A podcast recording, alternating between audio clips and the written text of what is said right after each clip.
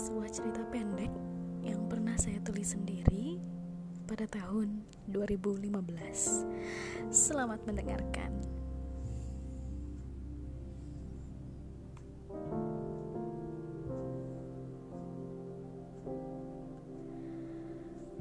Ketika itu, di pusat perbelanjaan, aku melihat keluarga muda yang sedang menikmati akhir pekannya. Aku mulai tertarik ingin mengenal mereka. Seperti biasa, ku tarik garis yang bisa ku baca di tengah keramaian. Ku amati ayahnya sedang menggendong si adik yang berusia sekitar satu setengah tahun. Dan si kakak menggelayut manja pada bundanya. Khas anak usia enam tahun. Secara tak sadar, otakku mengirim sinyal padaku untuk tersenyum lebar melihat keluarga bahagia itu. Tiba-tiba, Bunda, aku mau membelanjakan THR aku, Yanda. Beli baju yang aku suka itu. Boleh, Yanda? Boleh kan? Rengek si kakak manja. Baju yang mana, Solihah? Jawab sang bunda dengan senyumannya yang teduh. Hmm, itu loh baju yang sama seperti bunda. Jawab si kakak sambil melirik ke sudut kanan atas mencoba membayangkan. Hmm, yang mana sih? Bunda nggak tahu nih. Koda sang bunda. Hmm, yang itu nda. Baju seperti gamis bunda. Warna putih ada bunganya di bawahnya. Terus di bajunya sekalian nempel jilbabnya. Uh, jilbabnya itu putih. Bu, juga bunda ada apa ya namanya um, ada lukisan bunganya sedikit tapi cantik terus lebar lagi. Nah bunda kalau pakai itu pokoknya cantik deh kayak malaikat. Celoteh si kakak sambil terus menatap ke atas mencoba mengumpulkan ingatannya tentang baju impiannya. Oh iya bunda ingat tuh kak. Eh tapi tunggu dulu. Emang kakak pernah ketemu malaikat? Sang bunda terus menggodanya sambil menahan tawa. Gak pernah Sinda Tapi kan kata bunda Malaikat selalu jagain aku Makanya aku harus selalu berbuat baik. Kan bunda baik. Makanya bunda itu seperti malaikat aku. Jawab si kakak yang tak pernah hilang akal membuat siapa pun yang mendengarnya tersenyum.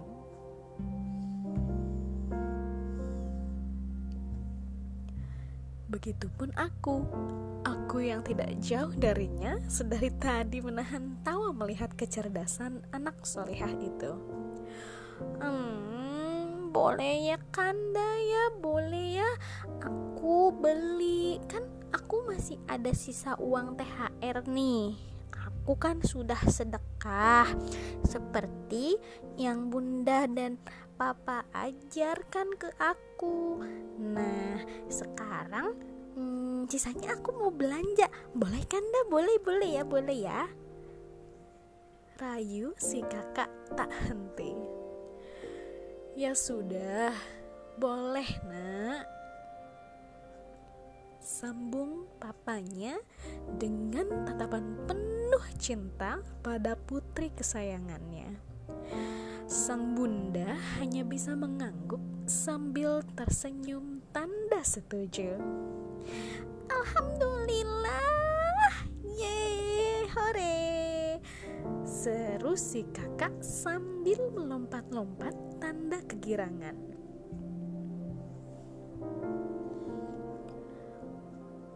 Nak, memang di toko ini ada yang jual baju yang kamu inginkan? Tanya ayahnya.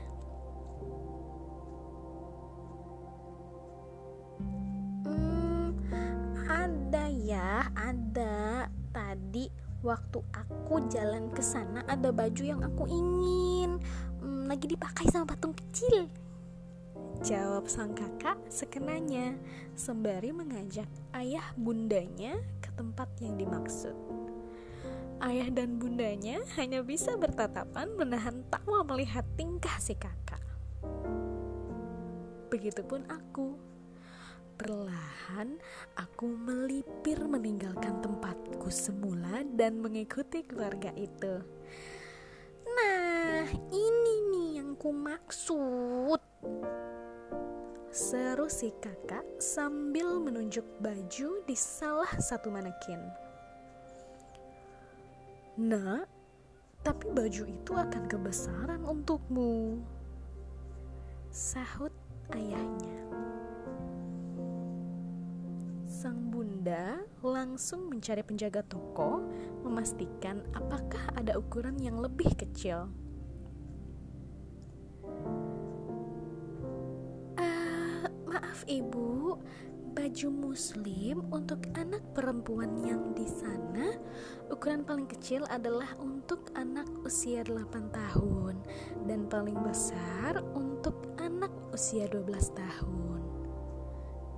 Si penjaga toko berusaha menjelaskan. Hmm, Tuna, sudah dengarkan? Untuk ukuranmu yang berusia 6 tahun tidak ada sayang. Sang ayah berusaha menjelaskan dengan hati-hati. Hmm, hmm, tapi, tapi tapi aku ingin sekali baju ini, Ayah. Aku akan rawat dan simpan baik-baik baju ini sampai nanti aku muat untuk memakainya. Boleh kan, Ayah? Boleh kan? Boleh kan, Bunda? Boleh. Hmm. Si kakak tetap merajuk meminta baju impiannya. Aku melihat dari arah yang tidak begitu jauh, sang bunda dan ayah sedang berdiskusi. Tampaknya cukup serius. Nah, tapi kamu tahu kan kalau baju ini kebesaran? Sang bunda mencoba menjelaskan. Iya bunda, aku tahu. Sahut si kakak. Bundanya segera berlutut berbicara sejajar dengan putri kesayangannya ini. Kamu belum bisa pakai baju ini. Karena kalau kebesaran pasti akan terseret di bawah. Apalagi baju ini berwarna putih dan bersih, Nak. Jadi, kalau ada noda, walau hanya sedikit, akan menghilangkan keindahannya dan kesuciannya. Belum lagi, bunda juga ayahmu khawatir kalau kamu terjungkal saat mengenakannya. Kami tidak ingin melihat kamu terluka, sayang. Kamu bisa mengerti maksud kami, Nak? Sang bunda menjelaskan dengan sabar sambil membetulkan posisi jilbab yang dikenakan sang kakak. Hmm, Oke, okay. aku mengerti bunda, aku sayang kalian. Sang kakak bergantian memeluk ayah dan bundanya. Tak sadar ada perasaan begitu hangat mengalir dalam diriku. Satu lagi hikmah di hari ini dititipkannya melalui dua buah bola mataku. Si kakak langsung menjauh dari manekin itu. Ia menyibukkan dirinya dengan mengitari baju anak-anak yang penuh warna sambil mencoba mencocokkan satu persatu. ia seakan telah melupakan kejadian beberapa menit lalu saat keinginannya begitu membumbung untuk memiliki baju impian. Namun, dengan penjelasan yang baik, ia dapat mengerti. Memang, kita bisa banyak belajar dari seorang anak. Seringkali mereka lebih memahami cara untuk berlapang dada, menerima hal yang tidak sesuai dengan keinginannya berbeda seperti kita, orang dewasa. Aku tertampar. Tiba-tiba, Bun, apa kita belikan saja ya baju ini untuk kakak? Sang ayah berusaha mencairkan suasana.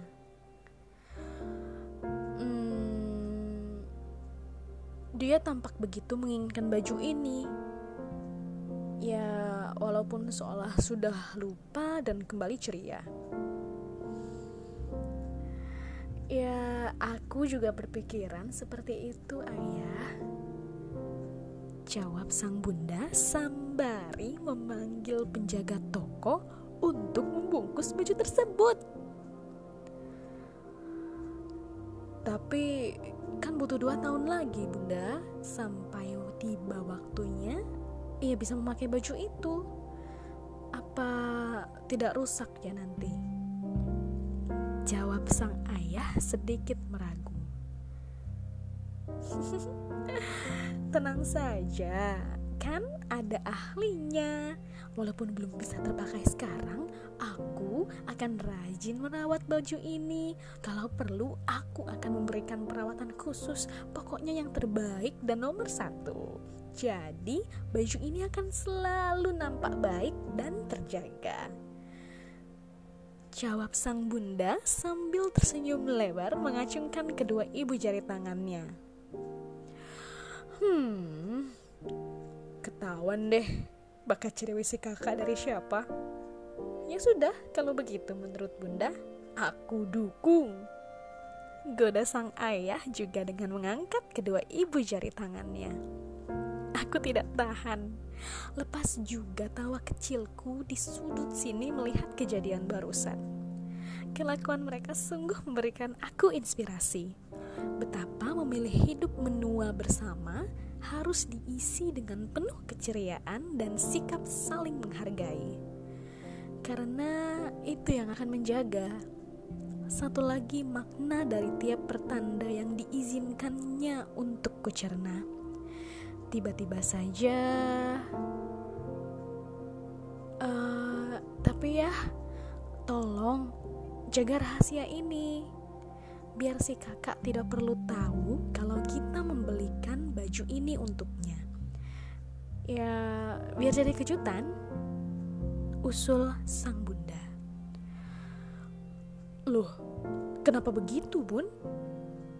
Tanya sang ayah keheranan. Kalau kakak tahu sekarang, itu akan merusak pertahanannya.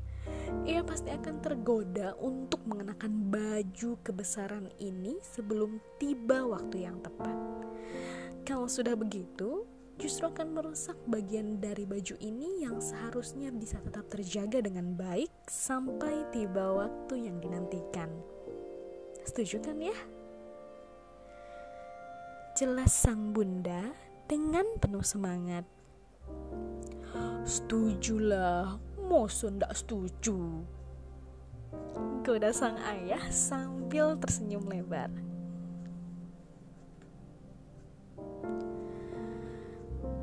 Di balik keceriaannya sekarang, kakak memang tampak telah melupakan baju impiannya itu. Namun, bisa saja yang terjadi sebenarnya adalah kakak belum mampu lupa dan mengubur besarnya rasa ingin memiliki baju impiannya itu.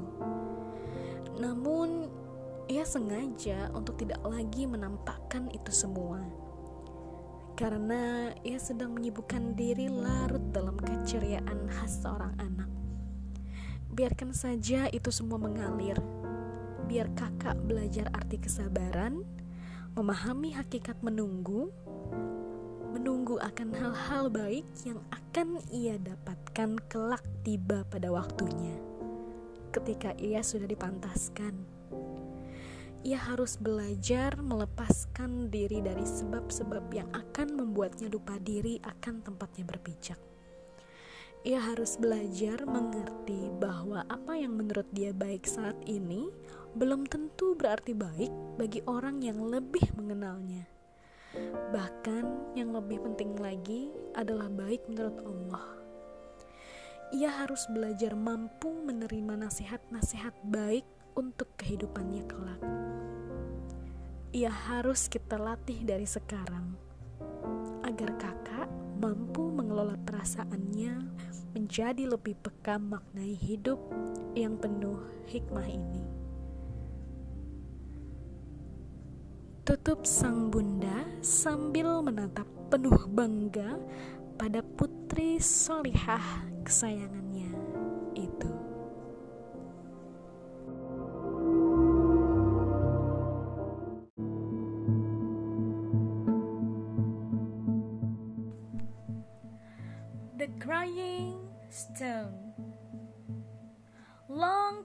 Time ago lived a girl with her mother at a mountain near a town in Kalimantan. The girl's name was Darmi. Darmi is very beautiful. Every day she wears makeup and her best clothes. She always wanted to rich and beautiful. She never helped her mother. She is very lazy and spoiled girl. One day, her mother asked Darmi to accompany her to the market.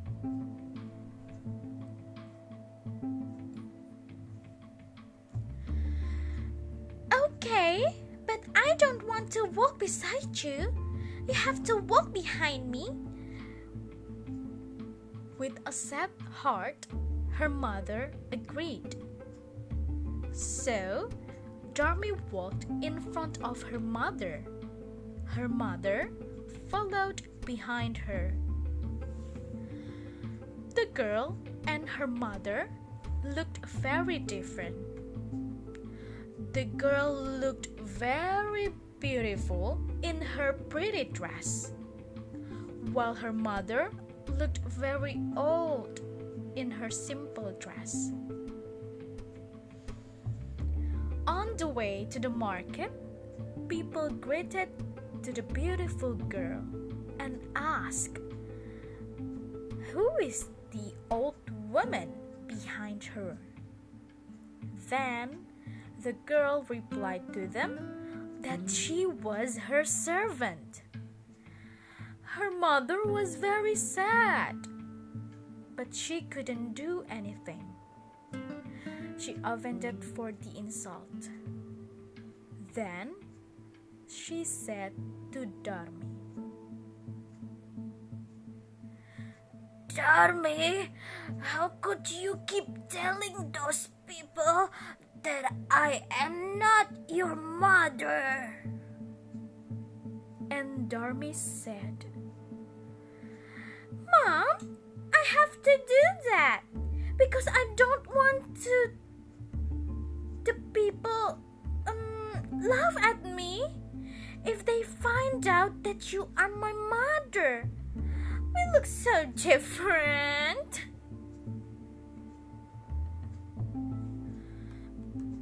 Enough, Darmi. You've hurt me so deep that I can't stand it any longer. Whoever and whatever I am, you must honor me as your own mother, said her mother. Her mother couldn't bear the pain anymore. She prayed to the God to punish her daughters. Oh, oh my Lord! I can't stand on my daughter's behaviors. She has been too far in hurting me. Please give her punishment to make feel sorry for what she has done to me.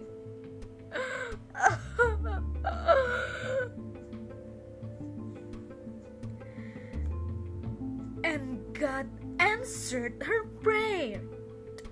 Slowly, Dormy's legs turned into stone. Oh my god! Oh, what happened with me? Oh my god! And the process continued to upper part of the girl's body.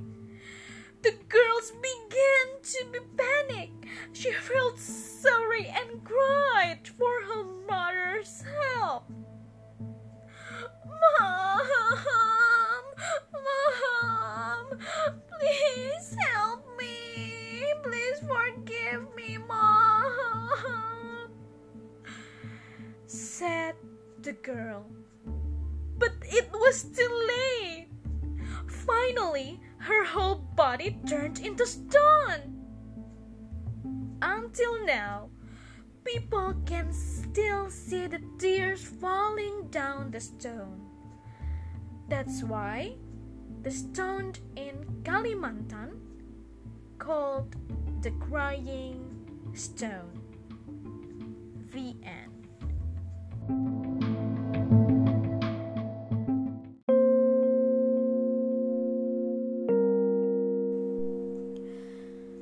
perampok jiwa di kedalaman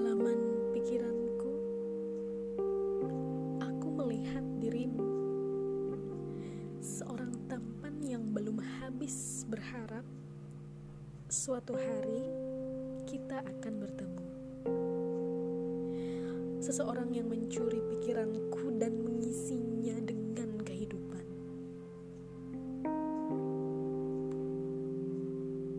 Yang merampok jiwaku dan membuatnya terasa benar. Sebuah gambar berharap fantasi,